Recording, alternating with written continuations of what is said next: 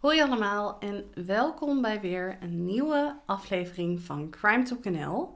Mijn naam is Sanne en leuk dat je weer luistert deze week. Zoals altijd hoop ik natuurlijk dat alles goed gaat met jullie, met mij ook, of met mij in ieder geval wel. En uh, ja, ik heb verder niet zoveel bijzonders te vertellen. Uh, dus ik stel voor dat we gewoon gaan beginnen met de aflevering van deze week. Um, de aflevering van deze week, het is wel weer typisch, want ik heb dus best wel vaak, dan heb ik een bepaalde zaak in mijn hoofd die ik wil gaan doen in de aflevering. En dan ben ik bezig met uh, dingen daarover opzoeken en dan stuit ik weer op een andere zaak en dan denk ik, nou, eigenlijk doe ik liever deze week die zaak. En dan gooi ik alles compleet om en ga ik met wat anders aan de slag. En dat was dus ook zo in dit geval. Ik was dus bezig met een bepaalde zaak en toen zag ik dit verhaal en toen dacht ik, nou, daar wil ik het deze week met jullie over hebben. Dus deze week ga ik het met jullie hebben over de zaak van de 85-jarige Anna Hemenga. En natuurlijk begin ik weer met de achtergrondinformatie. Ik moet er wel bij zeggen, ik heb niet super veel achtergrondinformatie kunnen vinden, omdat deze zaak ook niet heel veel media-aandacht heeft gehad. Maar natuurlijk vertel ik jullie gewoon wat ik wel heb kunnen vinden. Um, goed. Anna Heminga, die was in 1995, toen zich dit allemaal afspeelde, 85 jaar. En zij woonde in het Groningse plaatsje Zuidwolde aan de Bijemerweg. En ze woonde daar nog in een eigen huis. Ze was natuurlijk 85 jaar, dus dat zou geen gekke leeftijd zijn om in een uh, nou ja, verzorgingstehuis of een bejaardentehuis te zitten. Maar goed, zij dus niet. Zij woonde nog altijd in haar eigen huis. En eigenlijk, ja, ik vind het dus wel bijzonder, want het betekent dus ook dat ze nog best wel zelfstandig was. Helemaal als je erbij optelt dat ze ook nog eens doof was. En nu wil ik dus niet zeggen dat dove mensen niet zelfstandig zijn. Sterker nog, ik ken best wel wat dove mensen en die zijn stuk voor stuk allemaal vrij zelfstandig. Maar als je dus 85 bent, dan ben je al op leeftijd. Dan heb je waarschijnlijk, nou ja, misschien al wat kwaaltjes. En als je dan ook nog eens doof bent, dan kan ik het me voorstellen dat het allemaal best wel wat lastiger is. Maar goed, nogmaals, uh, ze redden het dus wel in haar eentje. Er kwamen wel geregeld mensen langs om uh, nou ja, haar te helpen. Maar toch, ze woonde nog altijd zelfstandig. Verder had Anna ook nog uh, kinderen, kleinkinderen. En stond ze bekend als een lieve, warme vrouw. Die altijd grote interesse had in de mensen in haar omgeving en om haar heen. Maar goed, um, er gebeurt natuurlijk iets waardoor het misgaat, want anders zou ik deze aflevering niet maken. Want het is dan de ochtend van donderdag 20 juni 1995 als, ja, als er wat raars aan de hand is. Het scheen namelijk zo te zijn dat Anna in de ochtend altijd haar gordijnen opendeed. Dus dan konden mensen vanaf de buitenkant ook zien dat de gordijnen open waren. En dat was die ochtend niet het geval en dat was dus gek. Dus uh, zodra de schoondochter van Anna daar uh, ja, van op de hoogte werd gesteld, is ze gelijk gaan kijken. En uh, nou ja, ze gaan naar dat huis toe, ze opent de deur, ze gaan naar binnen. En ja, dan treft ze Anna op vreselijke wijze aan. Want Anna die lag in een ja, bebloede bedstee. Ze had namelijk een bedstee omdat ze niet meer makkelijk naar boven kon komen. Dus ze sliep beneden. En ja, ze lag daar dus echt in een plas bloed. Terwijl ze nog amper ademde. Uh, ze had echt ontzettend heftige verwondingen. En dat klinkt overdreven, maar dit is dus echt zo. Elk bot in haar hoofd was gebroken. En in haar vingers zaten allemaal snijwonden. En uh, die snijwonden die waren waarschijnlijk afkomstig van een scherp voorwerp, die dus de dader gebruikte. En die zijn er dus waarschijnlijk gekomen omdat Anna zich heeft geprobeerd te verweren. Dus nou ja, je kan je voorstellen als je dan je handen gebruikt bij een scherp voorwerp, dan krijg je dus allemaal sneeën in je vingers en handen. En dat was dus ook bij Anna het geval. Um, verder had ze ook nog verschillende wonden aan haar hoofd. En deze wonden die hadden ja, best wel een typische vorm. Ze waren namelijk in een ja, vorm van een soort van ster. Waarvan dat afkomstig was of wat voor voorwerp dat kan zijn geweest, dat is niet bekend. Maar dat is dus wel een ja, merkwaardig iets dat die wonden dus in vorm van sterren waren. Ze was dus echt zwaar gewond. Maar belangrijk om te vertellen is dat op het moment dat Anna daar aangetroffen werd, ademde ze heel slecht, maar ze was nog niet overleden. Um, ze werd natuurlijk meteen naar het ziekenhuis gebracht en op dat moment lag ze dan ook in coma. En terwijl ze in het ziekenhuis ligt, gebeurt er iets heel raars eigenlijk in de zaak. Want op de tweede dag uh, van haar ziekenhuisopname werd het ziekenhuis namelijk gebeld door iemand die zei dat hij de kleinzoon was van Anna. En nou ja, deze persoon belde dus op en die vroeg hoe het met haar ging.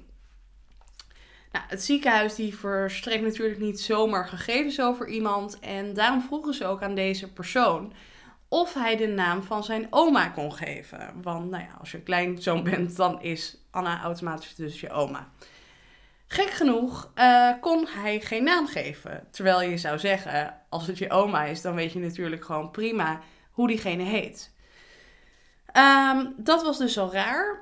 Um, maar wat ook raar was, was dat hij zijn eigen naam niet wilde geven. Dus eigenlijk alles wat uh, het ziekenhuis nodig had om informatie te verstrekken, om te kijken wie de persoon was en of hij wel echt familie was, dat wilde hij niet geven en daaraan werkte hij niet mee.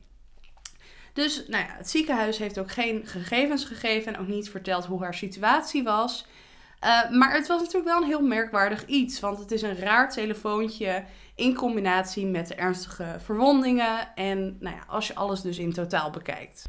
Dus lijkt het er sterk op alsof degene die belde de eventuele dader kon zijn. Want het is natuurlijk heel erg opvallend dat iemand dan belt, geen naam wil geven, de naam van het slachtoffer niet kan vertellen of wil vertellen en dan wil weten hoe het gaat. Daardoor ga je toch wel denken, en dat dacht de politie en denkt de politie dus ook, dat uh, diegene wilde bellen om te kijken of ze daadwerkelijk was ja, uh, overleden of dat ze nog leefde. Of dat hij in ieder geval wist of er een kans was dat zij misschien kon gaan praten. Dus nou, een heel opvallend en raar telefoontje dus. Uiteindelijk heeft Anna nog twee weken bijna in coma gelegen in het ziekenhuis. Maar uiteindelijk is ze op 10 augustus overleden aan haar verwondingen in het ziekenhuis. Wat dus ook betekent dat ze niet alleen zwaar mishandeld is, maar ook ja, overleden is door een misdrijf. Heel erg uh, heftig. Um, ondertussen was de politie natuurlijk ook al lang bezig met een onderzoek. Want ja, wie heeft een bejaarde vrouw zo toegetakeld dat ze uiteindelijk ook is overleden? Nou, daar moest natuurlijk een onderzoek uh, bij komen kijken. En uh, dat begint op het plaatsdelict en met een sporenonderzoek en een onderzoek naar het lichaam. En ik begin even met het onderzoek bij plaatsdelict. Want wat gelijk opviel was dat er braaksporen waren bij de achterdeur van de woning van Anna. En wat tegelijkertijd ook heel erg opviel, was dat er amper iets weg was uit de woning in de woning, daar lag bijvoorbeeld gewoon nog haar portemonnee. En uh, blijkbaar had Anna ook een sok waarin ze contant geld bewaarde in huis. En die sok die was er ook nog gewoon, inclusief het geld wat erin zat. Um, dus nou ja, je zou dan in eerste instantie denken, misschien heeft iemand geprobeerd in te breken. Maar ja, dan zouden er natuurlijk wel spullen weg moeten zijn. Er was één ding dat wel weg was. En dit was uh, de ketting die Anna altijd bij zich droeg. En dat was een uh, ketting met een hanger met een hugenotenkruis. En ik moet eerlijk bekennen, ik moest even opzoeken wat voor soort hanger dat dan is. En zonder, uh, nou ja, disrespectvol te zijn. Het deed mij dus heel erg denken aan zo'n soort medaille die ik kreeg bij de avondvierdaagse. Ehm, om even dus weer te geven hoe dat er ongeveer uitziet. Dus zo'n ketting droeg ze altijd bij zich. En die was dus weg, wat heel erg raar was. Daarnaast viel het ook op, dit was helemaal geen dure ketting of zo. Dat was hooguit uh, een paar tientjes. Dus het was heel erg vreemd dat alles met waarde was nog in de woning. Maar die ketting, die dus helemaal niet zoveel waarde had, behalve emotionele waarde, die was weg. Dus het was bij elkaar wel vreemd, want er waren dus die braaksporen, maar er was niets wat wees op een inbraak. Uh, goed, dat was dus even het stukje plaatsdelict. Uh, dan ga ik nu door naar het sporenonderzoek in de woning en op Anna haar lichaam. In eerste instantie leek dit namelijk ja, vrij hoopgevend, want in de woning van Anna daar werd een vingerspoor aangetroffen. Nou ja, dat is natuurlijk dus hoopvol, want daar kan je natuurlijk onderzoek mee doen. En dat is ook wat de politie deed. Ze hebben namelijk het spoor vergeleken met vingerafdrukken van bekende criminelen die in de database stonden.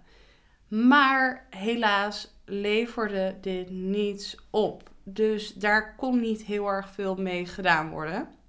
Maar toch, er was nog meer hoop, want ook op het lichaam van Anna werd uh, een DNA-spoor aangetroffen.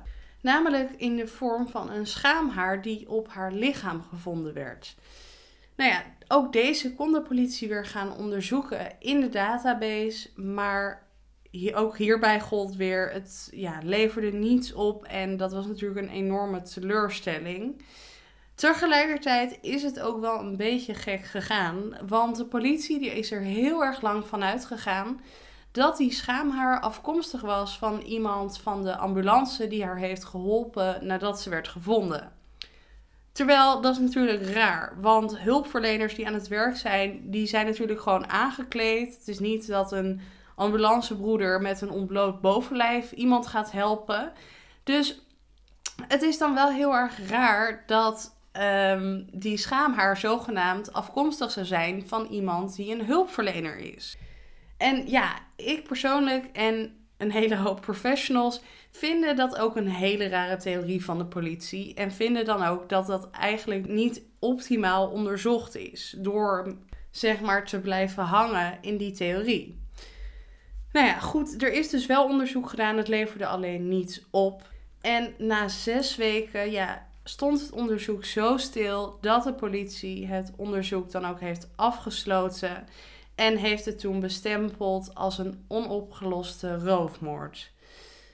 Dat is natuurlijk ook weer gek, want het leek niet per se om roof te gaan, omdat er dus zo weinig spullen weg waren. Maar goed, dat is dus wel hoe het bestempeld werd en hoe de zaak na zes weken al werd gesloten.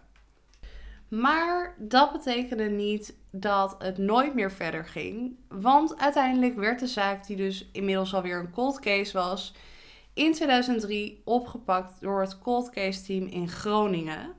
En zij zijn, zoals natuurlijk logisch is bij een cold case onderzoek, de zaak opnieuw gaan onderzoeken. En wat opvallend was, was dat het cold case team in samenwerking met een uh, politiepsycholoog tot een hele andere conclusie kwam dan het team in 1995. En dat gaat dan vooral om de theorie van een roofmoord. Ze zijn alles ja, extra onder de loep gaan nemen en ze hebben zich toen gefocust op die schaamhaar die op het lichaam van Anna gevonden werd en dus zogenaamd afkomstig was van die ambulancemedewerker. En op basis van alle gegevens en informatie uh, vonden zij het niet aannemelijk dat het afkomstig was van een ambulancemedewerker en vonden ze het meer een daderspoor. En niet zomaar een uh, daderspoor, want ze waren ervan overtuigd dat een gewone inbreker bij een gewone roofmoord niet zomaar met een ontbloot onderlichaam zou rondlopen of naar een slachtoffer zou gaan. Wat ook best wel aannemelijk klinkt natuurlijk. Daarnaast, er was dus ook niks weg uit de woning. Althans, er was niks gestolen met waarde waardoor je uit zou gaan van een roofmoord. Dus daarom dachten zij dat er geen sprake was van een roofmoord, maar van een zedendelict. Daarnaast is het scenario van het cold case team ook dat de dader een bekende van Anna moet zijn geweest.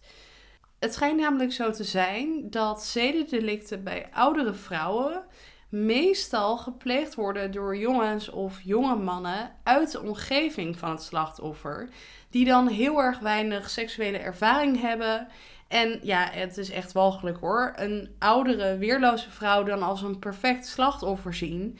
Want ja, die kunnen natuurlijk amper tegenwerken. Dus vandaar dat ze dat denken. En dus ook denken dat het gaat om een zedendelict. Nou, echt walgelijk en vreselijk naar om te bedenken dat iemand dan nou, denkt dat dat een goed idee kan zijn. Uh, maar dat is dus best wel een nieuw inzicht tijdens dat nieuwe cold case onderzoek. Daarnaast is dat niet uh, de enige reden waardoor ze denken dat de dader een bekende van Anna is, of in ieder geval uit haar omgeving komt. Want uit de verslagen van het buurtonderzoek bleek dat een buurvrouw rond 10 uur in de avond een schreeuw had gehoord. Waardoor er vanuit gegaan wordt dat de dader vlak daarvoor, dus vlak voor 10 uur s avonds, het huis is binnengegaan. En dan denk je, nou, leuke informatie. Maar je moet je natuurlijk realiseren, het was juni. En dan is het in de avond rond 10 uur nog helemaal niet donker. Wat dus ook betekent dat de dader een heel groot risico nam om door die tijd binnen te komen. Ehm, daarnaast was de deur ook opengebroken dus, wat natuurlijk geluid veroorzaakt. Dus je zou dan ook denken, ja, zo'n risico of zulke risico's ga je toch niet nemen als dader. Dat geluid en het tijdstip, terwijl het nog licht is. Ja, je, je zou wel dom zijn om dat te doen. Tenzij je weet dat de bewoner doof is en je toch niet kan horen, omdat ze, nou ja, dus niet kan horen dat jij de deur aan het openbreken bent. Dus daarom lijkt het er wederom op alsof de dader wist dat Anna doof was en daarom ook het risico durfde te nemen. Verder uh, heeft het cold case team ook gekeken naar dat telefoontje naar het ziekenhuis. En zij denken ook dat dit is gedaan omdat de dader er zeker van wilde zijn dat Anna de aanslag niet had overleefd. Dus ze denken dus dat dat de reden is dat hij heeft gebeld. Maar daarnaast wordt er ook eigenlijk wel bevestigd tijdens dat gesprek dat het dus waarschijnlijk gaat om een jonge dader omdat degene die belde zich dus voorstelde als de kleinzoon van Anna. En dit wordt eigenlijk gedacht omdat op het moment dat jij ouder bent, stel jij bent, uh, nou ja, 40 of 50, dan zul je je eerder identificeren met een zoon of een neef of, nou ja, bedenk wat. Dus als jij je voordoet als kleinzoon, ja, dan is de kans gewoon groot dat je ook de leeftijd hebt van een kleinzoon van iemand van 85. Dus dat telefoongesprek, hoe vaag dat dus dan ook is geweest, geeft toch wel wat opheldering over het een en ander. En is dus heel erg interessant. Ook al is er dus nooit achterhaald wie er nou daadwerkelijk heeft gebeld. Maar hoe dan ook, dat telefoontje speelt gewoon een grote rol in deze zaak. Maar ondanks alle nieuwe inzichten leidde het niet tot een ja, daadwerkelijke dader in het zicht of tot een nieuwe verdachte. En daarom kwam de zaak in 2007 op de cold case kalender met erbij een beloning van 15.000 euro voor de gouden tip. Maar ondanks dat werd het toch stil rondom de zaak voor jaren. Tot 2020. Want toen besteedde Jolande van der Graaf aandacht aan de zaak op haar website. Waar ik overigens ook vrijwel alle informatie vandaan heb gehaald. Omdat er dus best wel weinig aandacht is geweest voor deze zaak. Maar zij uh, ja, is meer onderzoek gaan doen naar de zaak. Heeft ook contact gehad met de familie. En is opnieuw aandacht gaan vragen voor de zaak. En dan in het speciaal voor nieuw DNA-onderzoek. Want er was natuurlijk die haar waar DNA op zit. En daardoor kwam ook het idee voor een DNA-verwantschapsonderzoek. Juist ook omdat er wordt gedacht dat de dader uit de omgeving van Anna kwam. Nou, geweldig idee dus. En vervolgens is dat verzoek ingediend bij het OM en justitie gaf toen aan om bereid te zijn om mee te werken aan een nieuw onderzoek. En bij dat onderzoek zou dan geprobeerd worden om nieuw onderzoek te doen op het DNA-spoor uit 1995. En nu wordt het een beetje ingewikkeld, ook voor mij als superleek. Maar waar het op neerkomt, is dat het DNA-spoor uit 1995 een mitochondriaal DNA-spoor is. Wat heel simpel gezegd eigenlijk een vrij basic DNA-spoor is, waar niet heel veel informatie kan worden uitgehaald en wat dus ook een stuk minder bewijs kan leveren. Nou, zoals natuurlijk wel vaker bij cold cases het geval is, is dat de technieken uit die tijd vrij achterhaald waren. Dus in 1995 konden ze natuurlijk een stuk minder op het gebied van DNA en dat verbeteren. Vandaag de dag kan dat wel en kunnen ze een stuk meer met de sporen van toen. Dus daardoor kwam het idee van misschien kunnen we het DNA-spoor van toen wel verbeteren, waardoor we er meer informatie uit kunnen halen en dan dus een eh, DNA-verwantschapsonderzoek doen, waardoor er misschien wel een eventuele dader in zicht komt door middel van een, nou ja, broer, oom, neef, noem het maar op. Goed, er zijn natuurlijk meerdere zaken die op die manier zijn opgelost. En daardoor was er ook best wel wat hoop voor deze zaak, als dat mogelijk zou zijn. Maar hoe hoopvol dit ook allemaal klinkt en klonk. Na de berichten, de meest recente berichten waarin werd aangegeven dat justitie bereid was om mee te werken, werd het weer stil. Althans, ik kon geen update vinden, ik kon niks vinden over nieuw onderzoek en de resultaten daarvan.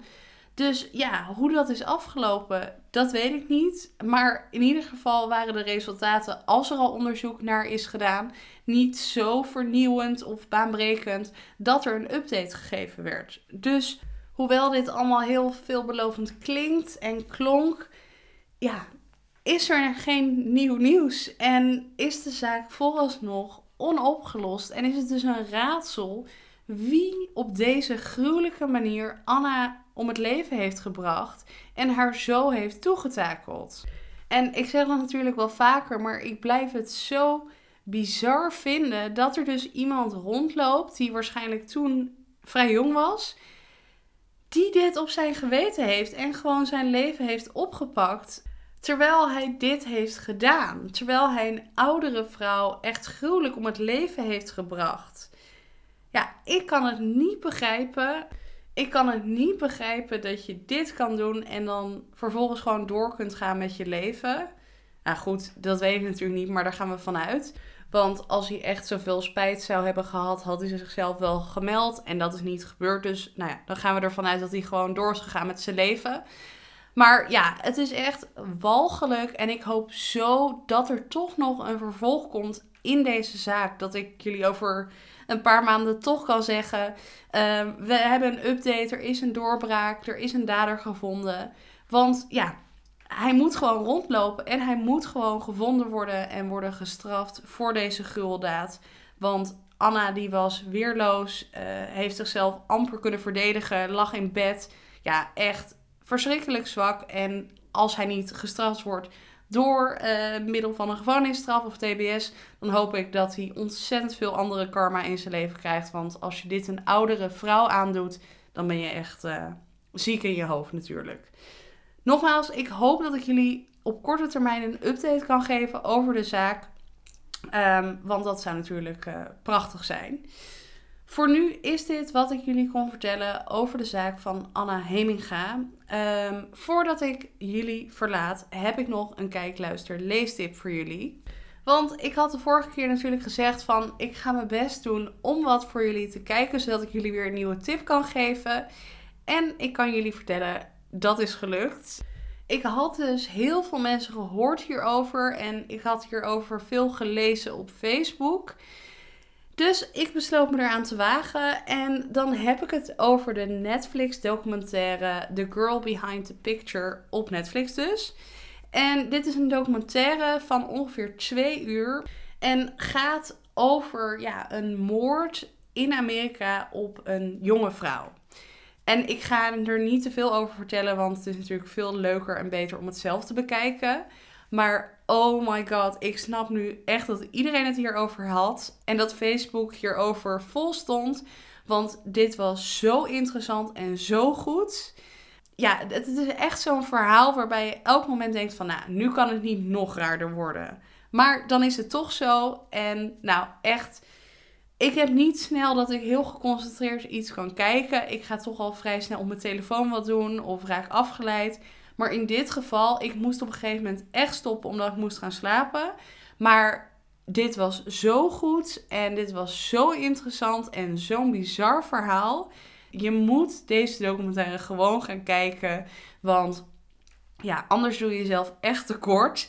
Dit moet je gezien hebben. Dus mijn kijktip voor deze week is de Netflix documentaire The Girl Behind the Picture. Echt gaan kijken, je zult geen spijt hebben. Het was echt super goed. En ik zou eigenlijk willen dat ik het nog een keer kon kijken zonder dat ik wist hoe het ging. Zo goed is het dus.